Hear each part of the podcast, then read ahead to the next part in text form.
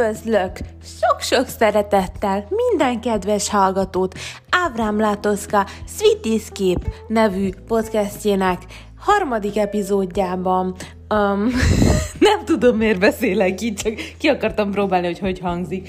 Um, szóval ez a harmadik rész. Ez a harmadik rész, és csak haladunk előre, mint akit, mint aki, mint akit uh, kilőttek rakétába. Úgy haladunk előre, igaz, egy hét, az ki, egy, egy hét, az kimaradt. Na most, valljuk be, ez van, de ma eljutottunk odáig, hogy belekezdjünk a podcast harmadik epizódjába, aminek a témája a külföldön élés, külföldre költözés lesz magyarként. És azért választottam ezt a témát, mert, a, mert ez a téma egyre több embert érint, hiszen megközelíti az egymilliót, ha jól tudom, a külföldre vándorolt magyarok száma. Én is egyike vagyok ezeknek, és egy szintén külföldön élő hallgatón vetette fel a témát, mivel rengeteg külföldi magyar is hallgatja a podcastet, de azoknak is érdekes lehet, betekintést nyerni igazából a külföldön élés szépségeibe, buktatóiba, akik sosem költöztek még el Magyarországról, csak szeretnék tudni, hogy az, az milyen egy olyan ember szemszögéből, aki, aki ezt megtette. Nem egyszer, nem kétszer, nem háromszor. Tehát ha valaki, akkor én tudok mesélni. Úgyhogy először mindenek előtt hallgassuk meg szokás szerint a hangüzeneteket.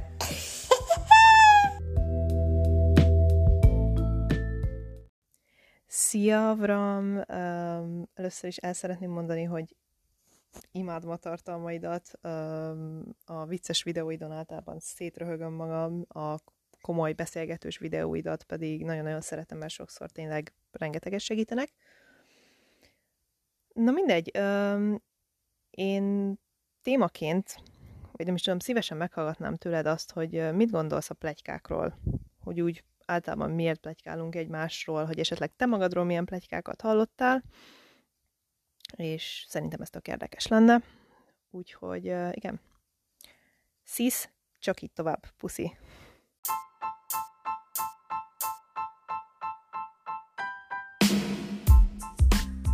Panni, nagyon szépen köszönöm a sok kedves dolgot, amit mondtál. Ez egy olyan téma, amiről én nektek nagyon sokat tudnék mesélni.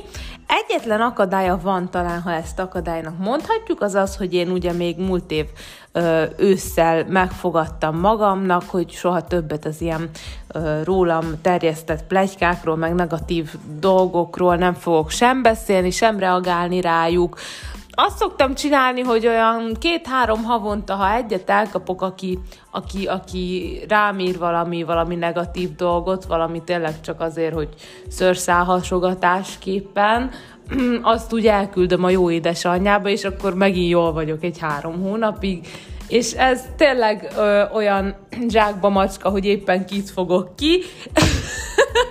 Például most utoljára volt egy ilyen talán két hete, amikor éppen a hajpakolás a hajamon volt, ami egy ritka pillanatok egyike, hogy hogy még hajpakolást is tudok a hajamra rakni, amióta anyuka vagyok, és akkor elkaptam valakit, aki éppen az anyaságom miatt kritizált, és, és akkor és akkor rajta rajta szórakoztam egy picit. Tehát, hogy én most már ennél tovább nem megyek úgy, mint előtte, hogy leállok vitázni emberekkel, csak azért, hogy az én igazamat bizonyítsam. Vannak plegykák, biztosan vannak plegykák, amik terjednek, vagy terjednek rólam az interneten, de én ezeket egyrésztről most már nem is olvasom, mert másrésztről még, még ha lennék olyan hülye, hogy elolvassam, aminek semmi értem, akkor sem mennék bele abba, hogy, hogy elkezdjek magyarázkodni, hogy ez miért nincs úgy. Úgyhogy Ö, sajnos, vagy nem sajnos, ezért mondom, hogy a, a, a rólam terjedő plegykákról nagyon nem tudok most már úgy öm, igazából nyilatkozni, mert hogy nem tudom, hogy most mik a legújabb hírek rólam, amikről én nem tudok. Viszont úgy maga a téma az egy érdekes dolog, mert ez manapság így az internet, az internet világában egyre, egyre, egyre veszélyesebb dolog ez a plegykálás, ez a negatív negatív dolgok terjesztése valakiről, mert so- sokszor fatális vége van, aki, aki gyengébb és, és nincs hozzászokva ahhoz, hogy, vagy nem tudja, hogy hogy kell ezekre a dolgokra reagálni, van, akit nagyon ki tud ez borítani, és, és sokszor van, hogy nagyon csúnya vége van. Az ilyen dolgoknak, úgyhogy igen, lehet, hogy erről tudnánk beszélni, jó témát dobtál fel, én meg már megint egy óráig válaszolgatni fogok, úgy látom a, hangüzenetekre, mert annyit beszélek, úgyhogy köszönöm szépen, hallgassuk meg a következő hallgatót.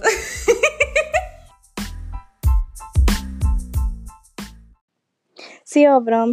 Nekem van egy témaötletem, amivel szerintem nagyon sok embernek tudná segíteni, az pedig a túlgondolás. Szerintem nagyon sokan szenvedünk abba, hogy helyzettől függetlenül és kortól függetlenül túlgondolunk dolgokat, ez általában ugye párkapcsolatban szokott megtörténni, hogy lehet, hogy egy full tökéletes párkapcsolatról van szó, de mégis az ember túlgondolja a legapróbb dolgokat is, és azt hiszi, hogy vége a világnak, szóval én szerintem hogyha ezzel, erről, erről a témáról beszélne, hogy ezt hogy lehet leküzdeni, vagy tenni valamit ellene, szerintem az nagyon sok embernek segíteni.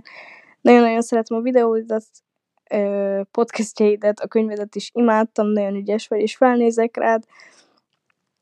Csak, csak így tovább, úgyhogy puszi!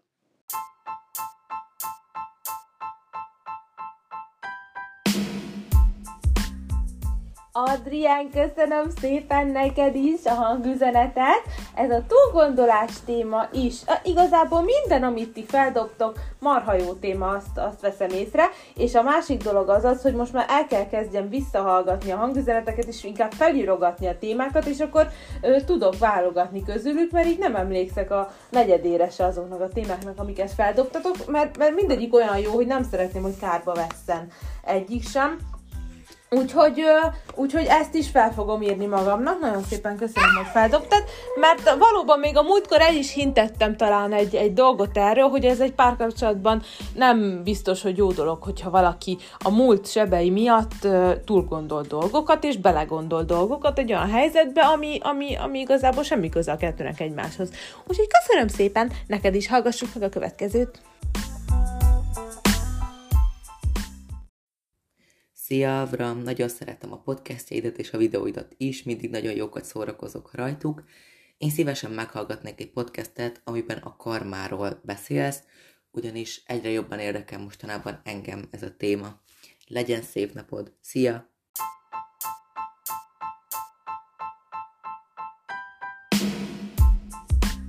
Ú, Milán, ez rohadt jó ötlet! Köszönöm, hogy küldtél hangüzenetet, örülök, hogy, hogy te is élvezed a podcasteket. A karma, gyerekek, a karma skorpióként be kell valljam, hogy volt nekem egy nagyon nagy barátom, aki még vissza-vissza jön a, az életemben nagyon sokszor, és próbálom elhesegetni, ez pedig a bosszúállás. Hát én, mint, mint skorpió, a bosszú állás az egy külön művészet, az a, a hobbim, vagy nem is tudom, minek mondjam, annyira, annyira gyönyörű dolog de amióta nyilván senki nem úgy születik, hogy tudja, mit jelent az, hogy karma, meg miből áll és hogyan működik. Amióta viszont tudom, hogy itt van ez a karma, azóta próbálom a bosszúállást elhesegetni, és, és, és a karmába kapaszkodni, mert újra meg újra bebizonyítja nekem, hogy ő, hogy ő igenis egy jó barát, és igenis, hogy működik, és igenis, hogy ott áll mögöttem. Úgyhogy a karma az egy marha jó dolog. Um, Úgyhogy valószínűleg, hogy ezt majd be fogom iktatni, ez nagyon-nagyon-nagyon szuper ötlet volt. Szeretjük a karmát. Ja, ja, ma, ma, majd erről beszélgetünk, hallgassuk meg a következőt. Szia, Avram! Én arra lennék kíváncsi, hogy így magáról a szerelemről, de leginkább arról a részéről, hogy, hogy van-e olyan a szerelemben szerinted, vagy egy párkapcsolatban, vagy bármi, amikor nehéz szeretni a másikat. Most tök mindegy, hogy milyen mm, részéről, de hogy nehéz szeretni a másikat, vagy hogy hát egy magáról a szerelemről, hogy hogy szerinted milyen az, amikor vagy, vagy, mm, vagy hogy amikor két ember nem kaphatja meg egymást, vagy ez az ellentétek vonzák egymást, meg tudod, ilyesmiről, én, én, ne, ilyesmiről lennék kíváncsi. Igazából ennyit szerettem volna. Puszi, puszi.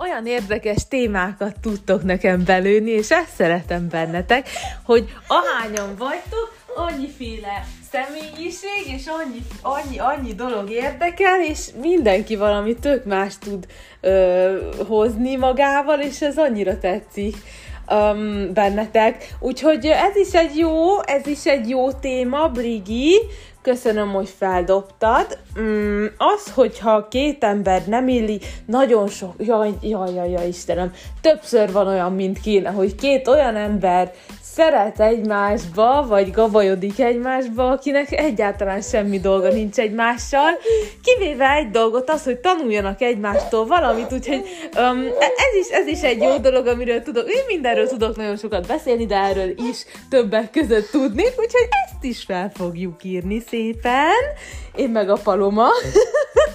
Hallgassuk meg a következőt! Szia Ávrám! A legutolsó podcastedben volt szó a megcsalásról, hogy esetleg csinálhatnál olyan sztorit is.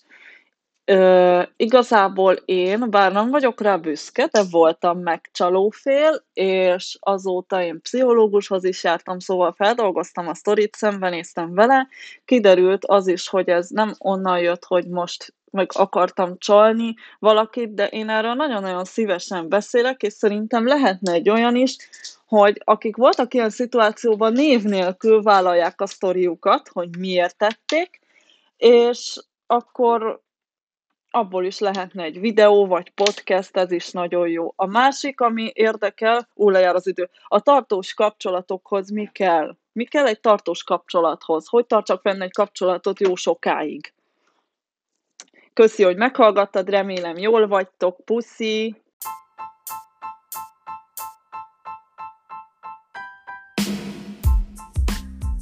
Brigi, egyik Brigi, másik Brigi, egyik a másik után. Ti Brigik nagyon marha jó ö, ötleteket tudtok ám adni. Neked is köszönöm, ez, ez is egy jó téma, ez is egy jó téma. És külön köszönöm azt is, hogy Avramnak hívtál, nem pedig Avramnak. Nem tudom honnan tudtad, de tényleg valóban így kell mondani a nevemet. Helyesen nem Avram, hanem Avram A betűvel. Um, mit akarok mondani? Szuper jó, és örülök annak is, hogy felvállaltad azt, hogy te is voltál megcsaló személy. Jó van, Bubi, hát ez nem olyan szomorú dolog ez azért, na. Ö, és, és, és annak pedig külön örülök, hogy segítséget is kértél ezzel kapcsolatban, mert, e, mert e, ennél szebb, jobb dolog nincsen, mint hogy valaki rájön a saját hibájára, és nem elhesegetni próbálja, hanem megoldani, és felvállalni, mert, mert ennél bátrabb dolog és erősebb dolog igazából nincsen, úgyhogy annak ellenére, hogy elítélem magát a megcsalást, Ö, annak ellenére téged, rád büszke vagyok így látatlanba is, mert, mert ez nagyon jó dolog, amit te csináltál.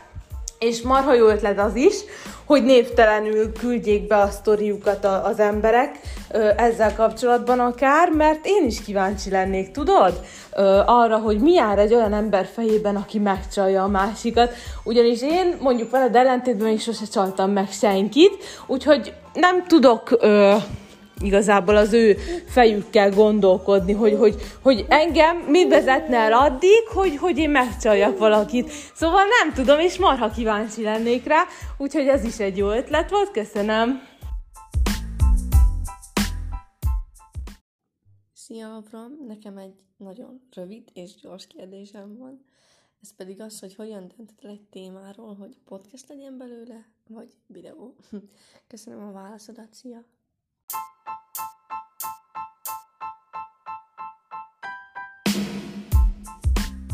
Dodi, Dodi, Dodi, figyelj csak! Te már küldtél nekem hangüzenetet, mert én emlékszem a nevedre.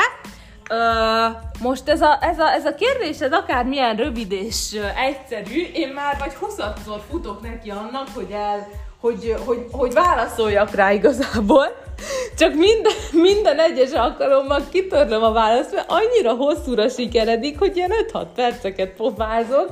Úgyhogy most uh, a sok mellébeszélést, és elmondom neked, hogy hogy döntöm én el. Én eldöntöttem egy az egybe azt, hogy a YouTube-ot most úgy, ahogy van, félre rakom, mert egy kisbaba mellett nehéz, nehéz úgy videókat csinálni, hogy, hogy abba a minőségbe uh, jöjjenek le, ahogy a kisbaba előtt sikerült, amikor volt időm órákon keresztül felvenni egy videót, aztán meg megszerkezgetni. Igen, most is itt van az ölembe, viszont a podcastben ez nem annyira, ez nem annyira feltűnő, hogy közben én, hogy közben én itthon intézem a dolgokat, ö, ö, mit tudom én, a háztartási dolgokat, meg a kisbabámmal a dolgokat. Én közben azt csinálok, amit akarok, és nekem most így újdonsült anyukaként sokkal egyszerűbb, mint az, hogy, hogy, hogy egy kamera elé álljak, és akkor ott még azzal is foglalkozni kell, hogy mit látnak az emberek. Nekem az, hogy csak beszélek, ez egy, ez egy nagyon jó, ez egy nagyon nagy segítség most ebben a szituációban. Plusz az, hogy ott döntöttem úgy igazából, hogy innentől kezdve akkor most a Youtube-ot félre rakom, hogy elkezdték a kis 10 hónapos kisbabámra azt írni, hogy zavar, hogy zavaró, és én nekem ezt az anyuka gyomrom nem vette be, és én azt mondtam, hogy igen, hogyha zavar, akkor ennyit rólatok, akkor innentől kezdve nem mutatom meg, nem csinálok vele videókat. Um, aki akar, az jön a podcastre, és akkor ott meghallgathatja, hogy mit szeretnék mondani.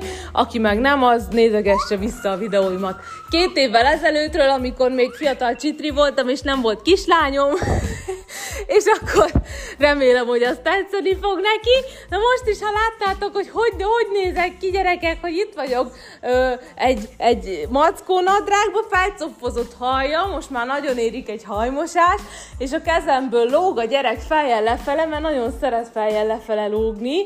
A, közben fogom a telefont is, és közben viszem be a Kit, a, tereget, a teregetőről a ruhákat viszem be a vasalóhoz, úgyhogy kész, káosz, kész. De ez így sokkal kényelmesebb, mint egy, mint egy kamera előtt illegni, billegni. Na, most, most ez is egy három perces válasz, de azért mégsem hat. Na, jó van, most már meg.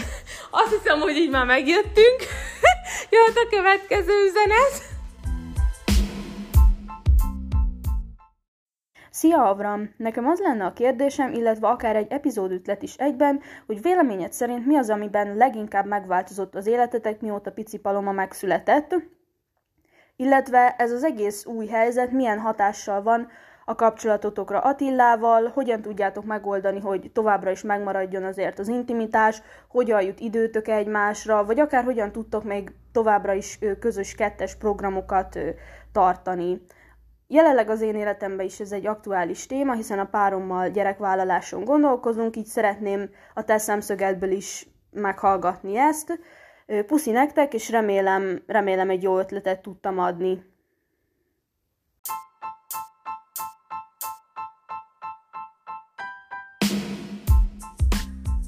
Veronika, te ezt most milyen szép összeszedetten elmondtad szeretem ezeket a hangüzeneteket hallani, látjátok? Na most ez a téma is nyilván marhára egy aktuális dolog az, hogy egy kisbaba mellett az élet, meg a, meg a szerelmi élet, meg a magánélet, meg úgy egy az egyben.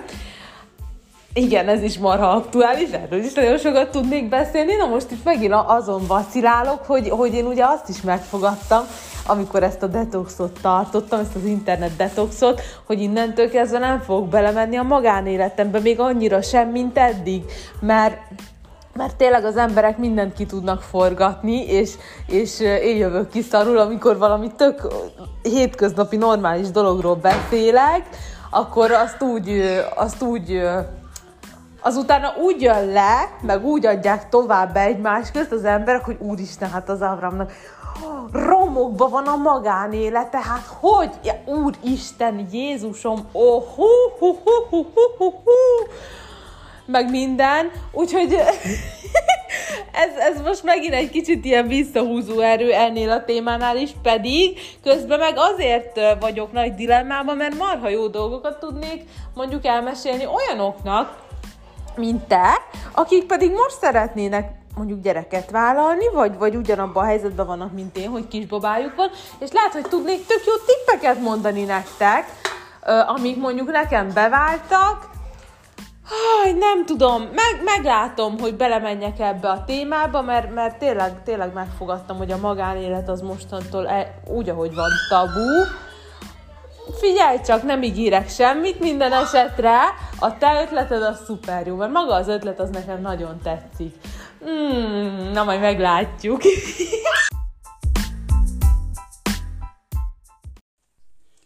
Szia, Avram!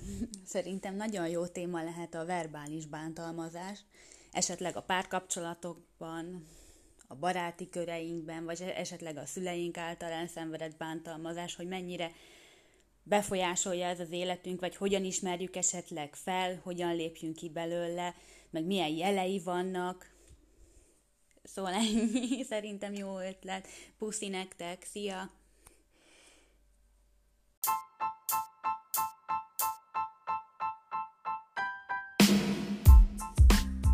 Anasztázia, de szép neved van, az egyik kedvenc Disney mesém, az Alice Csodaországban a kedvencem, de az Anasztáziát is nagyon-nagyon-nagyon szeretem, mondjuk lehet, hogy az a második kedvencem, ha beszeretném sorolni, még ezen nem gondolkoztam, de az a zene, ami az Anasztáziában van, hát az valami, úristen, attól, attól nekem a szívem felrobban, meg elolvad egyszerre. Annyira szeretem a Anasztáziának a zenéjét, meg is fogom hallgatni. Én attól mindig sírok, hogyha, hogyha a legboldogabb vagyok egész életemben, a legboldogabb napomon ö, tenné be valaki ezt a zenét, akkor is össze-vissza bőgném magam, pedig na. Hát egyedül kiskutyákon sírok, vagy nagy, nagy kutyákon, vagy hogyha állatoknak van. Ba- Most miért kezdtem el erről beszélni? Tehát, hogy két dolog tud megsíratni, hogyha állatoknak baj esik a filmbe, meg az, hogyha, hogyha, hogyha ilyen zenét hallgatok, ami, ami ritka, hogy azért ennyire meghasonl egy zene, de az Anasztáziából a zene, az, az nagyon meghat, olyan hülye vagyok, össze-vissza beszélek, uramisten.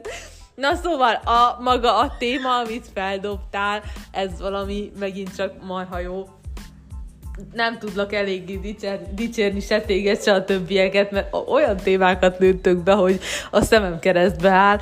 Úristen, ez a verbális bántalmazás téma akár a párkapcsolatban, akár a gyerekkorban, akár a szülőktől, akár a gyerekek egymás közt, akár a felnőttek egymás közt, akár online megint, hogy visszatérjünk a, a, az online világba. Ez annyira gyerekcipőben jár az, hogy erről beszéljünk, őszintén és megoldásokat keressünk, hogy még, még mindig én azt látom, hogy az egész világon a verbális bántalmazás az így eltörpül igazából a testi bántalmazás mellett pedig.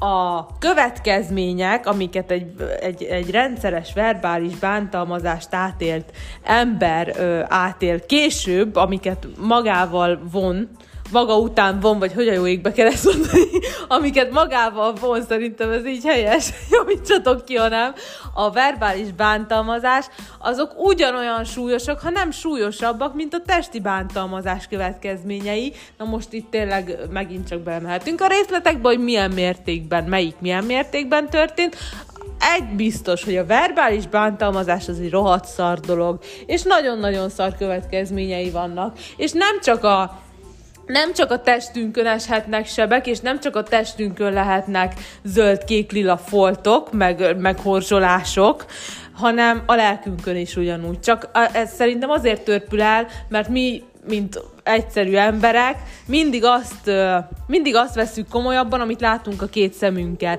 És az, hogy a lelkeden van egy csomó kék-zöld folt, azt, azt lófasz, senki nem fogja látni, azt esetleg te, azt esetleg te fogod érezni, és ezért, ezért törpül el szerintem a verbális bántalmazás meg annak a következményei, mert mert egyszerűen a lelkünkkel nem foglalkozunk eleget, pedig, pedig marhára nagyon is kéne, ugyanis nagyon-nagyon sok testi betegség is abból következik, hogy, hogy a lelkünk beteg és a lelkünket bántották, úgyhogy ez is egy nagyon jó téma, köszönöm. Anasztázia, te meg a szép neved! Szia Ábrám!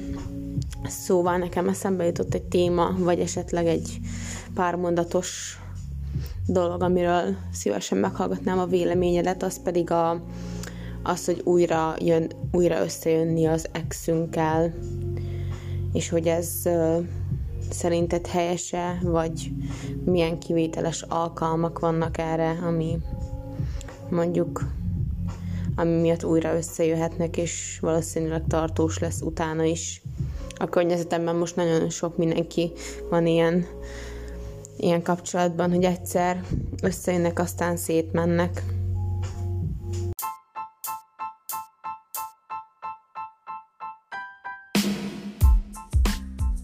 Letícia! Hát te vagy ma a második, aki jól mondja a nevemet. Mi van veletek, hogy lemaradtam valamiről? Összebeszéltetek, vagy mi? Na mindegy, figyelj csak! Ez az Excel összejövős dolog érdekes lehet, mert szerintem is marha sokan vannak ebbe a, ebben a helyzetben. Most majdnem hibának neveztem, de nevezzük helyzetnek. Hmm, ez is, ez is érdekes. Ez megint egy olyan téma, Atya Isten, ez megint egy olyan téma, ami, ami, ami, ami, amihez nagyon jó lenne az, hogyha mondjuk küldenének be olyan emberek hangüzeneteket, akik benne vannak egy ilyen helyzetben. És kíváncsi lennék arra, hogy hogy éli meg ezt egy, egy ember, mert képzeljétek el, hogy nekem akkor ezek szerint marha unalmas párkapcsolati vagy magánéleti dolgaim voltak egész életemben, már ilyen se volt. Jézus Isten! Jézus Isten! ilyen se volt velem soha, hogy, hogy én felmelegítsem a kihűlt káposztát, vagy hogy szokták ezt mondani. Hát én ezt se játszottam el soha, nem vagyok ennek sem a híve. Mondjuk egy jó kis, egy, egy jó kis um, átmulatott éjszaka, hogy úgy mondjuk, azért sose rossz egy Excel, se gondolom. Csak, csak, csak talán nem kell túlbonyolítani a dolgokat. És akkor sokan ilyenkor ebből az lesz, hogy ahelyett, hogy kielveznék azt az egy éjszakát, mm, azzal az illetővel, azt a még egy utolsó utáni, utáni, utáni éjszakát, aztán fogják, és inkább lesz belőle egy egész uh, újrakezdett kapcsolat. Nem tudom, nagyon sokat lenne erről is beszélni. Izgi! Hmm, felírom, jó? Maradjunk annyi, hogy felírom. Még egy hangüzenet van hátra, aztán belekezdünk a mai témánkba. Szia! Engem az érdekelne, mivel fiatalon vállaltál kisbabát, hogy mikor érezted azt, és milyen volt, mikor eldöntötted, hogy szeretnél kisbabát, nem féltél a felelősségtől, vagy inkább ezekre nem is gondoltál, mm, mennyire volt megalapozva ez a dolog, mármint, hogy mi most még ingatlan vásárlás előtt állunk, és én addig nem szeretnék, még nincsen meg az ingatlan, hogy legyen hova vinni a kicsit, ne akkor kelljen ezen idegeskedni, meg kapkodni vele, de hogy voltál ezzel? És egyedül milyen volt így, hogy te külföldön élsz, és nincsen segítséged? Így tényleg őszintén érdekelne a véleményed, mert a mai világban, ha megkérdezel valakit, sokan azt mondják, hogy úristen, nagyon nehéz, vagy előadják azt, hogy fú, nagyon ők perfektül csinálják ezt az egészet, és tudom, hogy te erről őszintén beszélnél. Köszönöm, hogyha majd sor kerül erre. Sok-sok puszi nektek!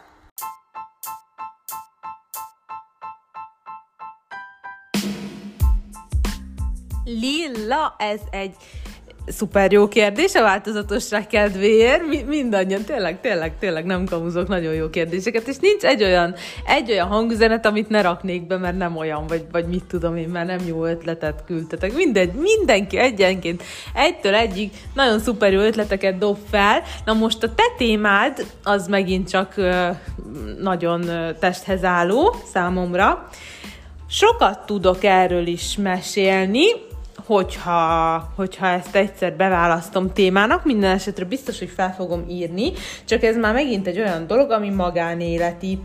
Na most én, miután megszületett a kislányom, egyszer megosztottam tök őszintén ö, a, a, úgymond a, a követőimmel, meg úgy az egész világgal az, hogy én, én hogy, hogy vagyok, hogy érzem magam, hogy nézek ki.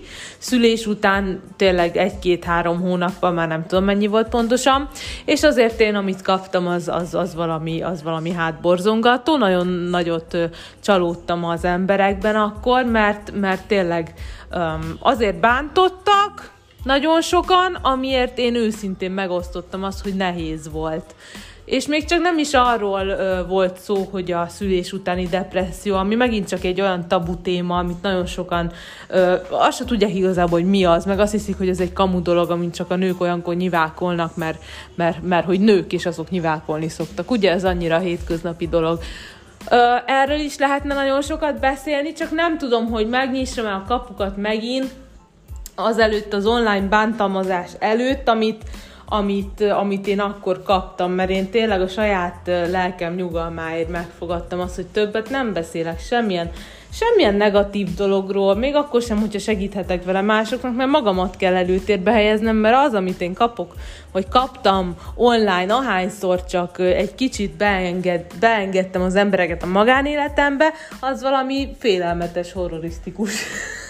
és, és nem tudom, ezért vagyok nagy dilemmába, viszont a te kérdésed ettől függetlenül megint csak nagyon szuper jó, és biztos vagyok benne, hogy nagyon-nagyon sok mindenkit érdekel.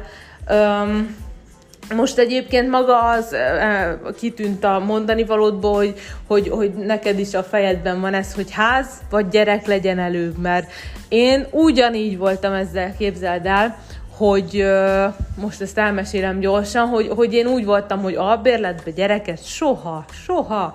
Én nem vagyok olyan röghöz kötött, hogy a, hogy a gyerek csak a, mit tudom én, azután jöhet, hogy összeházasodtunk, de azért, a, hát az is azért az, hogy én fiatalon, vállal, fiatalon vállaltam gyereket, az, az se annyira igaz. Jó, fiatal vagyok, de nem 20 éves voltam, meg nem 18, hanem 26. Ugye 26, igen.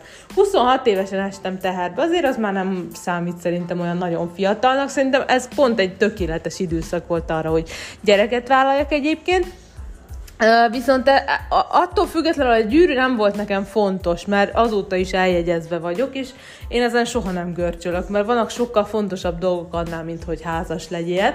Na most nálunk ez a dolog, hogy ház vagy gyerek, ez úgy volt, hogy mi nem terveztük azt, hogy már pedig most gyereket fogunk csinálni, hanem úgy voltunk mind a ketten, nem is volt téma nálunk, de egyszerűen csak tudtuk azt, hogy, hogy, hogy, hogy ha jön, akkor jön. És nem védekeztünk az ellen, hogy, hogy jöjjön a gyerek. Úgy voltunk vele, hogy majd amikor leküldik a felhők közül, akkor jöhet. és jött is. Viszont attól függetlenül, hogy nem saját házban éltünk, nagyon nagy anyagi biztonságot teremtettünk meg magunknak, még úgy is, hogy itt külföldön élünk. Úgyhogy ö, Ö, és, és igazából van is egy házunk azóta is, de nem egy olyan, amiben mi élünk, nem egy olyan, amiben mi lakunk, hanem egy olyan, amit kiadunk bérbe. Tehát vehetjük úgy, hogy van ház, de mi magunk a bérletbe lakunk azóta is, ami már nem sokáig lesz így egyébként, de amikor gyereket vállaltunk, akkor így volt. És még most is így van.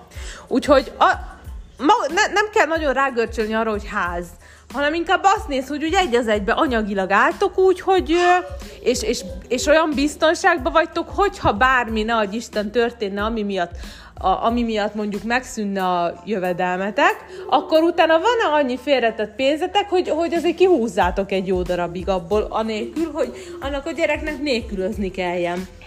Ezt akartam neked elmondani gyorsan, de lehet, hogy lehet, hogy bele fogok menni majd ebbe a témába mélyebben, nem tudom, meglátjuk. Minden esetre az biztos, hogy a gyerek az mindig ajándék, nem mindig könnyű, de minden esetre azt tudja, hogy egy nagyon nagy ajándék, úgyhogy Úgyhogy ha jön, akkor, akkor, akkor örülni kell neki, de persze óriási felelősség van rajtunk, hogy mindent megadjunk neki, ami csak kell, hiszen ez, ez kötelességünk onnantól kezdve, hogy megfogant a hasunkban, onnantól kezdve nem onnantól, hogy megszületett, hanem már sokkal hamarabb. Úgyhogy köszönöm neked is a kérdésedet, nagyon szuper volt. Most viszont azt hiszem, hogy belemeltünk a mai témánkba, ami a külföldre költözés, a külföldön élés, és, és én úgy gondoltam, hogy el fogom nektek mesélni most a saját, a saját kis történetemet. Belemegyünk egy kicsit abba, amit senki nem tud, hogy én például mind mentem keresztül akkor, amikor, amikor ide kijöttem. Nem munka miatt, hanem szerelem miatt. Úgyhogy vágjunk bele!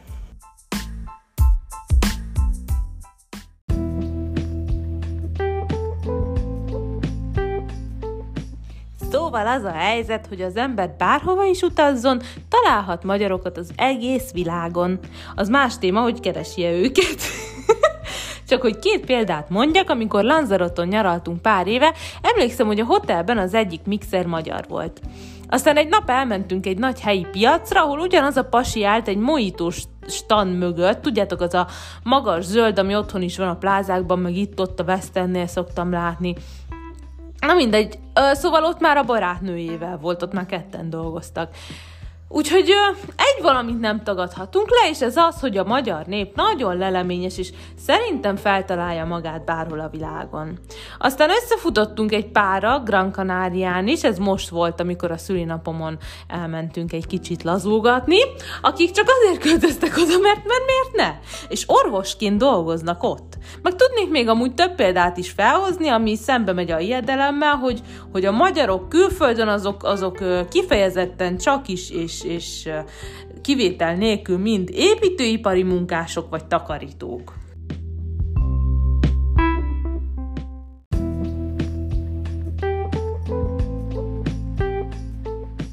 Persze nem mindenki agysebészként utazik külföldre, és ezzel nincs is semmi baj.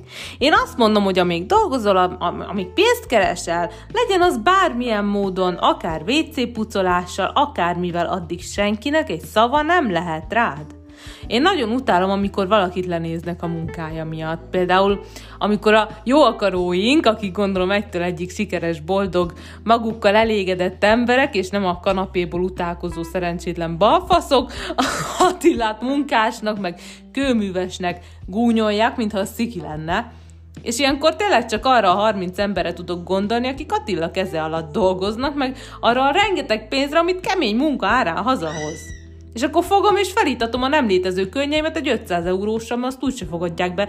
Egy bolt, minden boltba halljátok, ó, most ez egy külön téma. Na mindegy, ne is menjünk bele. Tehát azt én itthon arra használom, hogy a könnyeimet felítassam vele, velük,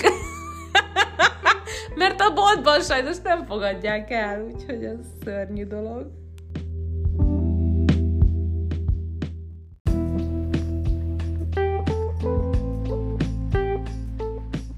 Attila is munkásként kezdte, ha így akarjuk hívni, és tök mindegy, hogy miként kezdted, elég ritka az, hogy valaki főnökként kezdi a karrierét, nem gondoljátok? Az már többet elárul rólad, hogy meddig jutsz el a későbbiekben. Vannak, akik egyszerre kezdték el vele, de a mai napig ugyanott tartanak, ahol akkor nem ott, ahol ő.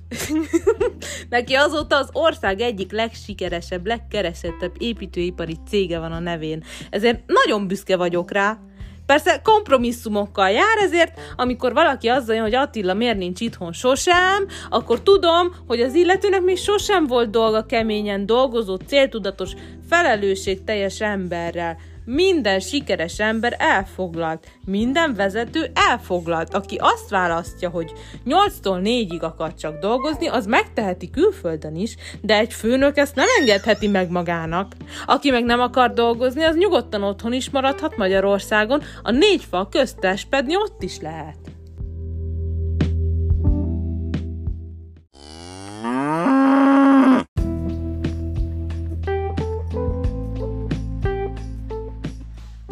Legfontosabb kérdésre válaszolva tehát, hogy megéri-e külföldre költözni, én röviden azt tudom válaszolni, hogy igen, megéri, de hogy mit hozol ki a saját helyzetedből, azt ne az országra kent, hogy, hogy ilyen, meg olyan, meg amolyan, meg nem másokra, csak is saját magadra, mert bárki bárhol bármit tud kezdeni magával, én ezzel így vagyok.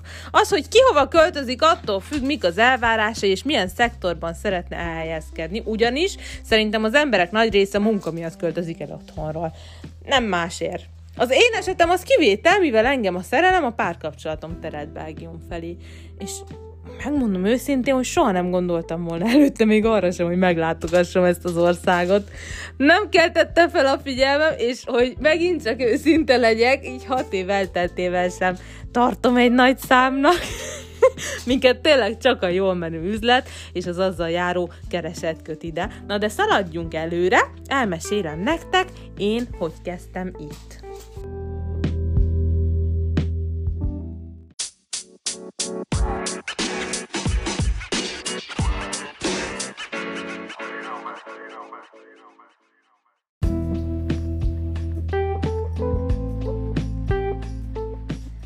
Amikor én kijöttem ide 21 éves csitriként, akkor otthon én pincér voltam. Én imádtam a munkahelyem, imádtam a főnökeimet, béreltem egy tuti kis lakást Budán, és éltem a kis életemet, élveztem az önállóságot, nehéz szívvel hagytam magam mögött mindent. Sosem felejtem el azt a nyomasztó érzést, ami a szívembe meg a gyomromba hatolt, amikor első este egy kis ablak nélküli, rideg, föld alatti szobában hajtottam álomra a fejem egy matracon, a földön. Viszont ott volt velem az, aki miatt idejöttem, szóval nagyon vegyes érzések kavarogtak bennem. Egy nagy kertesház aljában lévő félig meddig garázs vagy raktárféleség volt kialakítva lakásként, az volt nekünk az első közös lakásunk. Egy nagyon pici valamire gondoljatok, nagy kontraszt volt az én bérelt lakásomhoz képest például. Úgy voltam vele, hogy basszus, kitörtem a panelok közül, ahol felnőttem, a saját lábamra álltam 18 éves koromtól, erre most itt vagyok egy idegen országban, ahol állandóan esik az eső, egy garázsban élek, semmi munkám, egyedül vagyok, mint a kisúlyam, mert Attila akkor is sokat dolgozott, tuti recept a depresszióhoz, meg a, meg a következő vizergéphez haza, nem?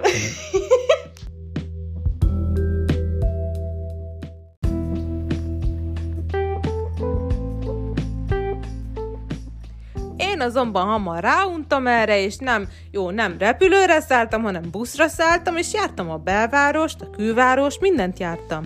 Különösen az olasz éttermekre vadáztam, hiszen ahogy apám mondja, az olasz nyelvben az a jó, hogy aki beszéli a világ bármely pontján bemehet bármelyik olasz étterembe, akár munkát keresni, akár ha elveszett, bármi is legyen. Ebben különböznek az olaszok például a magyaroktól. Amíg az olaszok összetartanak, a magyarok áskálódnak. Elég megnézni bármelyik külföldi magyar csoportot, nem kell nekem hinni, menjetek fel a Facebookra. A magyar beleköt abba is, ha kiírod, hogy szépen süt a nap. Mik jönnek rá? Anyát süt szépen. Szerinted nincs nekünk szemünk? Azt nem akarod kírni, hogy miatt szartál? Kis pozitív emberek a magyarok szerintem.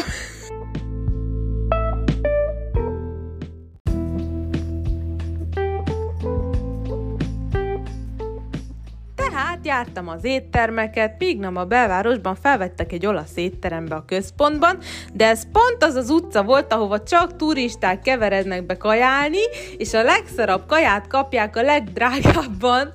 Azért kellettem nekik, mert én voltam az egyetlen fiatal csinos csaj, aki oda keveredett munkát keresve, és ezért az utca éttermei rajtam veszekedtek, hiszen ott a szokás az volt, hogy a pincéreknek ki kell állni a teraszra, és leszólítani minden arra járót, becsalogatni az áldozatokat, akiket leakaszt utána az étterem olyanokkal, mint például a drága üveges sörök felhígítása, csöves csapolt sörrel, meg a ház bora ajánlatása mindenhez, meg mindenkinek, ami egy tablettás műanyag palackos szar. De a ház bora elnevezés ugye mégis eladhatóvá tette. Mert hogy hú, hát az olasz étterem felajánlotta a ház borát, micsoda kulináris gasztronómiai élmény lesz, kérem szépen, egy spanyol pályá, találtam mellé Brüsszel közepén egy olasz házi bort. Hát ezt azonnal nyomatom a Instára, meg mindenhova.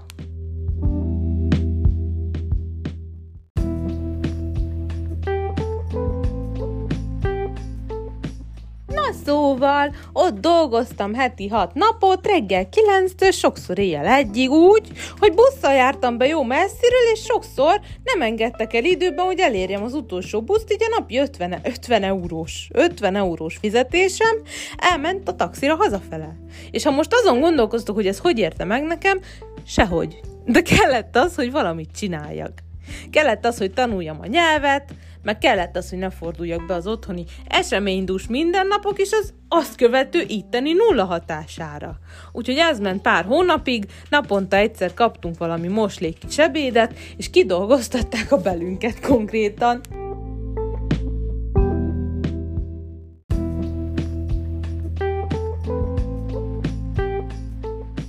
A tulaj egy alkoholista, 50-es, rozogabb, vöröshajú boszorkány volt, aki állandóan az étterem teraszán borozott, meg pöfékelt. Ha már maguk a vendégek kérték meg, hogy ne füstöljön az orruk alá, elküldte őket is a picsába.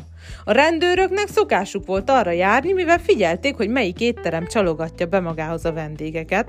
Embereket behívogatni a teraszon ugyanis illegális volt, meg a mai napig is az. Ezért a tulaj szívesen fogadta mindig a hájas pacula vén rendőrkapitányt egy kávéra a teraszon, és akkor kezdett nálam betelni a pohár, amikor ez a deres dagad disznó azt mondta nekem, ügyes kezem van, mikor lefőztem neki egy rohadt kávét, na de vajon a szám is ilyen ügyese? A tulaj nő, meg a családja, azok meg úgy kuncogtak, mintha az év viccét volna, lőtte volna el. Tényleg egy, egy ilyen lustadik kinézetű vén rókát képzeljétek el, és azzal a kaján, kaján undorító mosolyjal a fején Úristen, a mai napig látom magam előtt, úgyhogy a mostani fejemmel már megmondanám neki, kinek a száját elemezgesse, de akkor csendben maradtam.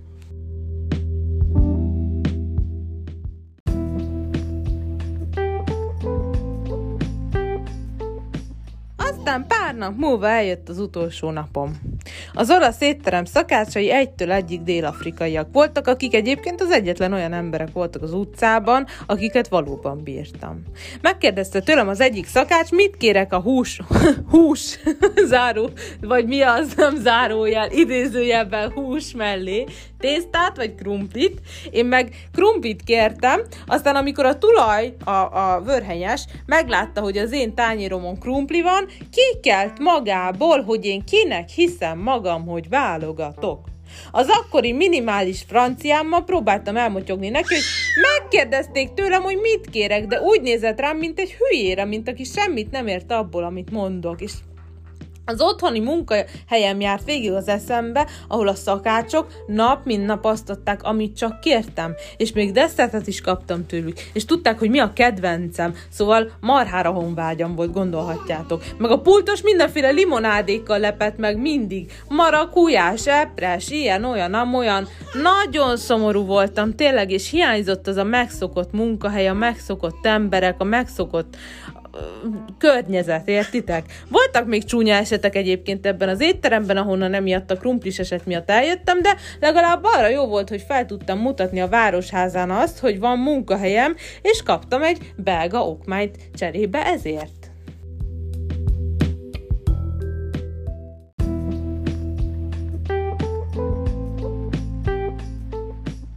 A városházán sem voltak amúgy a legbarátságosabbak. Amikor angolul szólaltam meg, a nő csak a falon lévő papírra mutatott, amin az állt, itt Flandriában vagy, nem beszélünk sem angolul, sem spanyolul, sem franciául, itt hollandul kell beszélni. Mert hogy tudni kell, hogy nálunk az ország fele franciául, a másik fele hollandul beszél, meg van egy kis rész, aki, akik németül, de az egészen elenyésző. Vagyis a holland elkorcsolt változata, a, a, a flamand az, amit itt beszél, beszélnek, ami amitől tényleg a, a szőr felel a hátamon egyébként, na mindegy. Szóval ez volt az első belga munkahelyem, de ha ez rossznak tűnik, akkor mesélek. Mesélek én nektek a következőről.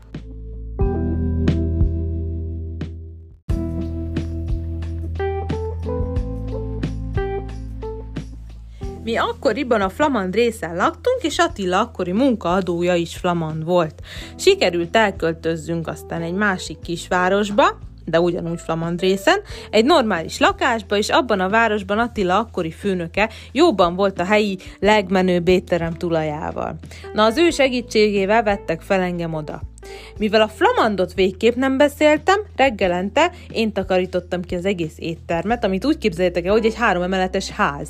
Megterítettem az asztalokat, kimostam, vasaltam a szakácsok ruháit, a pincérek kötényeit, Arról volt szó, ez lesz addig, amíg meg nem tanulom kicsit a nyelvet, így közben eljártam magántanárhoz is délutánonként, meg heti egyszer-kétszer takarítottam az ő házát, és egy ismerőse házát, aki vadászpilóta volt a hadseregben.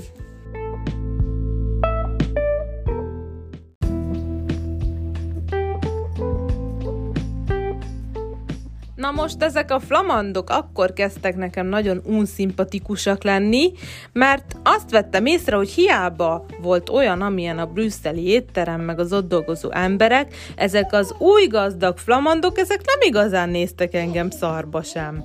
Reggelente én voltam ott elsőnek az étteremben 7 órakor, aztán 9-kor megjöttek a szakácsok, akik közül egyedül Sanán, a filippino nő volt hajlandó köszönni nekem, senki más, csak akkor szóltak hozzám, ha valami nem tetszett nekik, mondjuk amikor behívták a tulajdonos feleségét, hogy szídjon le, amiért a ruháik nincsenek rendezetten a szekrényben. Aztán amikor mondtam neki, hogy én szépen behajtogatom őket, és a szakácsok túrják fel, akkor neki meg az volt a válasza, hogy ilyenek a férfiak, szóval ilyen mondva csinált dolgokkal nagyon gyakran betaláltak.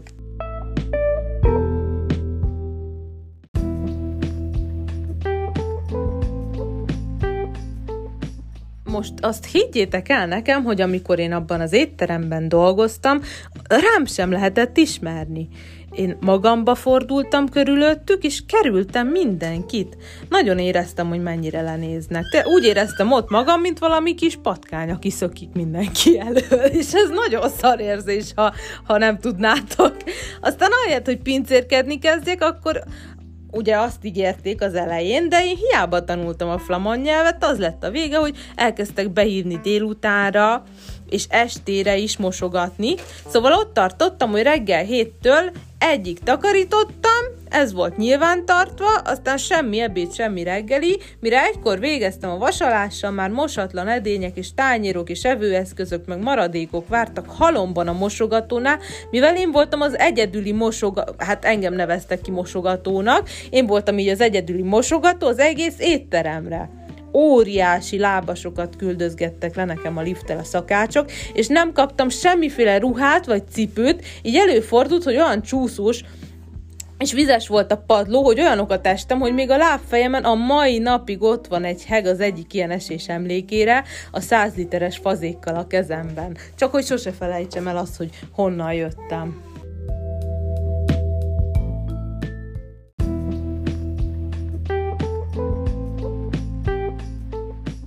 Ugye mondanom sem kell, hogy így már nem jutott időm a nyelvtanára, és őszintén addigra már annyira megutáltam a légkört, a helyi embereket és a nyelvet is, hogy nem is állt szándékomban tovább tanulni. Én, én papírom takarítónő voltam náluk, de csak napi négy órában. Ehhez képest reggel héttől éjjel egyik ott güriztem. És talán látszott rajtam, hogy nem bírom őket, mert tényleg sosem szóltam senkihez, csak tettem a dolgom.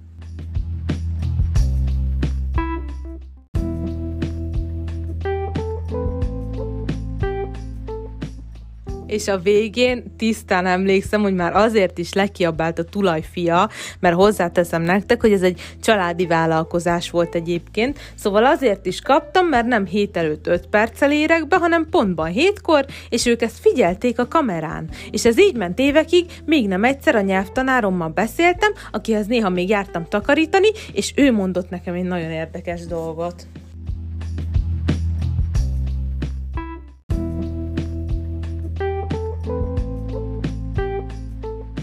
Tehát a nyelvtanárom világosított fel arról, hogy Igazából itt van egy olyan kártya, amit a munkáltató ad a dolgozóknak, és havonta kapnak rá több száz eurót, amit élelmiszerre lehet költeni. Ez, ez ilyen utalványféleség. Na és a nyelvtanár világosított fel arról, hogy az hagyja, hogy napi 14 órát feketén dolgoztatnak, de abból a feketén megkapott pénzről, pénzből még le is vonják tőlem az élelmiszeres kártyára utalt összeget, értitek? És ez már tényleg a pofátlanság teteje. Ez egy magyar nő volt egyébként, aki a minisztériumnál dolgozott, és írt a főnökömnek, egy e-mailt írt neki ezzel kapcsolatban amikor a főnököm meglátta, milyen e-mail címről jött a panasz, elkezdett hivogatni, és olyan nyájasan kérte, hogy menjek be, beszéljük meg, nem akar ő bajt a minisztériummal, hogy én azt hittem, hogy téves számot hívott, tehát, hogy rá se, rá se ismertem a parira. Be is mentem, de elkísért a nyelvtanárom is, mivel félő volt, hogy a rossz nyelvtudásom akadály lenne, mivel ők csak azért sem voltak hajlandók angolul beszélni velem, hogy, hogy, hogy ne beszéljenek, és kész, hogy nekem nehogy egyszerűbb legyen a dolog. Az étterem tulajdonosa és az asszisztense vártak engem ott bent. Én elmondtam, hogy miután kiszámoltam, összesen 3000 eurót vontak le tőlem jogtalanul, annyit kérek, hogy azt fizessék ki, és felmondok, és ennyi, vége, kész. A főnököm, az úristen remegett az idegtől, hogy én hogy merészelem így sarokba szorítani, én egy jöttmen magyar senki, amikor a magyarok csak lopni járnak ide, sose felejtem el ezt a magyarok csak lopni járnak ide, és a melkasomat bögdösve fröcsögő nyállal fenyegetőzött, hogy én nem tudom kiket ismerő, de azt tuti, hogy engem is, és minden kis magyar ismerősömet ki fog tetetni az országból. Mondta ezt jó pár éve is, még mindig itt puposkodok, na mindegy. Mindez miután ő engem egy iPad-del videózott az egész beszélgetésünk során, hogy ő majd feljelent engem zsarolásért. Szóval nagyon megalázó volt, és nagyon-nagyon erősen éreztették velem azt, hogy én örüljek annak, hogy egyáltalán itt dolgozhatok én a kis magyar bevándorló csítri. Nehéz időszak volt ez az életemben. De mivel nem tudtam megegyezni velük, elmentem, és bejelentettem őket a munkaügyi bíróságon, vagy nem is tudom milyennek pontosan a neve. Szerencsére képekkel tudtam bizonyítani mindent, képzeljétek el, mivel az összes tőlük kapott papírt és elszámolást elvették tőlem, de én lefotóztam hoztam őket előre. Úgyhogy olyan ellenőrzést, aztán olyan több tízezer, ha nem több százezer eurós büntetést kapnak, vagy kaptak, mert itt nem egy étteremről volt szó, ezek nagyon gazdag emberek, nem kell őket egy pillanatig se sajnálni, mert tele vannak, tényleg még a següket is pénzzel törlik ki, és több éttermük is van, amelyik mindegyik nagyon jó menő étterem volt akkoriban, most szerintem most is egyébként, mert szerintem túlélték azt a, azt a több tízezer, százezer eurót, nem tudom mennyi volt pontosan. Na mindegy, a lényeg az, hogy báhatták azt, hogy nem voltak hajlandóak kifizetni azt, ami járt nekem, csak mert egy kis magyar jött, mert nem fogja őket megfélelmíteni, ez csupán büszkeség volt. Később még Később még egy szívinfarktust is kapott az öreg, ami a csúnya, hanem, de én olyat nevettem, mert nem tudtam másra gondolni, mint hogy a karma az tényleg nem szarakodik senkivel, és most eszembe jut, azt hiszem, hogy Milán volt az, aki a karmával kapcsolatban kérdezett, hát akkor tessék, hát akkor tessék. Ki mellett áll a karma? Ábrám mellett áll a karma. Legjobb bari.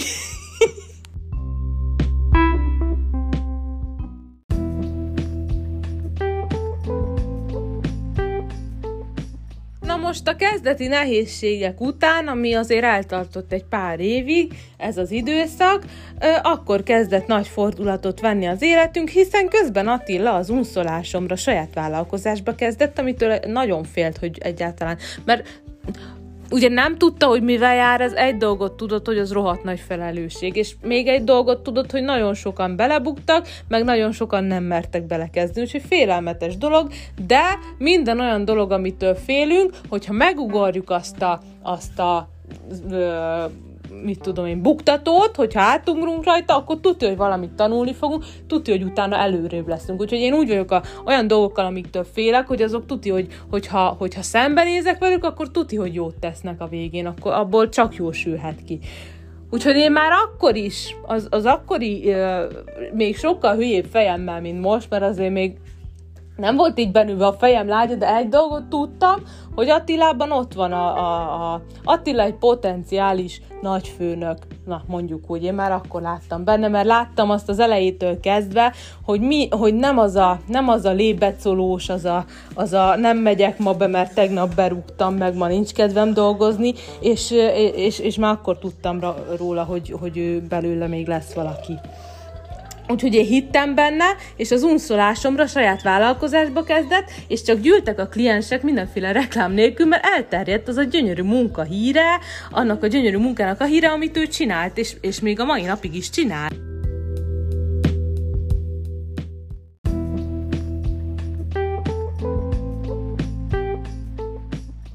Ekkor én elkezdtem körmözni, de ezt később, ezt jóval később, amikor már én a, ezt a netes dolgot elkezdtem, abba kellett hagyjam, mert úgy döntöttünk jövedelmezőbb, ha én csinálom a céggel és az alkalmazottakkal járó papírmunkát, mint ha ugye Attila felvenne egy titkárnőt. Így lett aztán az, hogy beletanultam a számlák és a munkáltatói papírok marha izgalmas részleteibe, aztán időközben ugye jött ez a viccből készült videónak köszönhető ö, internetes berobbanás, úgyhogy megnyílt előttem az internet nagyvilága is a papírmunka mellett, és az ezzel járó előnyök, meg lehetőségek, meg minden, ami, amit ez hoz magával, és ennek köszönhetően, meg annak, hogy jól léptem, na, mondjuk azt, hogy, hogy jól csináltam, amit csináltam, meg jól csinálom a mai napig, ennek köszönhetem azt, hogy már nem mások WC-t pucolom, hanem a saját takarítónőm van. És már nem kell tűrjem a megaláztatást, hanem másoknak segítek, hogy többnek érezzék magukat, és már senki nem mondja meg hány órakor mit csináljak, és hogyan, hanem a magam ura vagyok. És büszkén merem vállalni, hogy már milliókat csináltam, nem egyszer, nem kétszer ebből a dologból, amit én összeraktam az interneten, és akinek nem tetszik, csinálja utánam. Én is, és Attila is. Mind a ketten a magunk urai vagyunk, és akár külföldön, akár belföldön, de annál jobb érzés nincs, mint amikor reggel felkelsz, és nem kell már azon idegeskedned, főleg ha tudod, hogy milyen az, hogy a főnököd, meg a munkahely, mert azt csinálod, amit szeretsz, és senki nem dirigál neked, senki.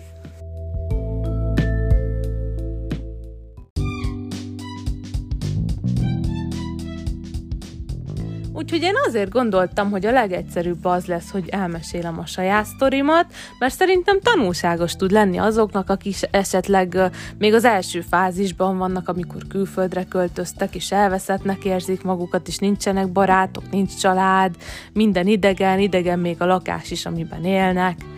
Lehet, sőt, valószínű, hogy döcögős lesz az út, de ha, ha azt az egy tanácsot megfogadjátok, hogy ne adjátok fel, és ha kell, gyalogjárkáljatok munka után, és tegyétek félre a büszkeségeteket, vegyétek elő a jó öreg besétálós szemtől szemben munkát keresős módszert, ne pedig otthon heverészve posztolgassatok mindenféle Facebook csoportokba, hogy munkát kerestek, akkor már meglátjátok, hogy egyik dolog követi a másikat. Fogtok találni munkát, nem biztos, hogy jót, de akkor is munka, és ha másra nem jó, akkor arra, hogy addig se otthon üljetek magányosan, amíg nem találtok jobbat.